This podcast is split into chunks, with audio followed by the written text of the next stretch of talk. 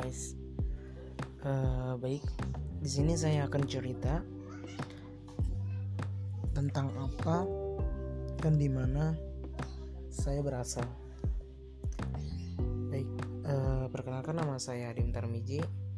Saya asal Banten, yang dimaksudnya Banten, yaitu Kota Rangkas Bitung, Kabupaten Lebak.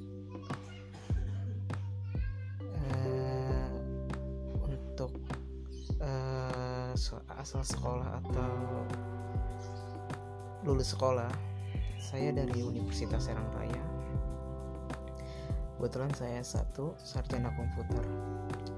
Uh, baik di sini saya akan sedikit cerita tentang pengalaman saya kuliah. Awal mula saya kuliah ambil jurusan bahasa Inggris. Kenapa sih alasan saya bahasa Inggris karena saya benci sama bahasa Inggris. Untuk itu saya akan lawan kebencian itu dengan mana saya pelajari akan tetapi bukan takdir atau mungkin bukan nasib juga. Saya tidak diterima karena yang bahasa Inggrisnya kurang. Wah gitu. Dan terusnya saya masuk ke UIN Banten yang sekarang namanya UIN Banten kalau dulu IAIN saya ambil jurusan hukum dan ekonomi syariah. Nah, hukum ini hanya pemanis. Saya sebenarnya tertarik sama ekonomi syariah. Akan tetapi di mana seleksi semakin ketat dan semakin luar biasa orang-orangnya, saya tersisihkan dari ekonomi syariah dan saya masuk di hukum. Nah, masalahnya yang saya ambil lupa. Hukumnya bukan hukum negara tapi hukum keluarga.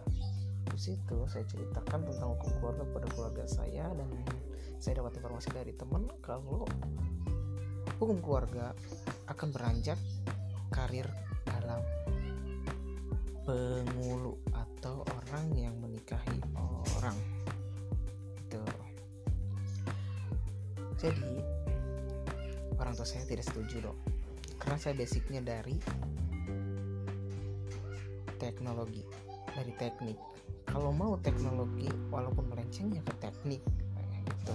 Akhirnya saya ambil jurusan komputer di Unsera Universitas Seraraya nah singkat cerita sebelum saya masuk Universitas Seraraya saya berusaha untuk masuk ke UNJ nah di UNJ saya ambil jurusan teknologi komputer dan juga uh, apa ya namanya itu arsitek ya arsitek.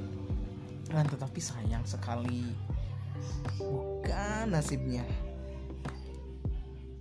Ya di UNJ gak terima di Universitas Sultan Ageng jurusan bahasa Inggris tidak keterima.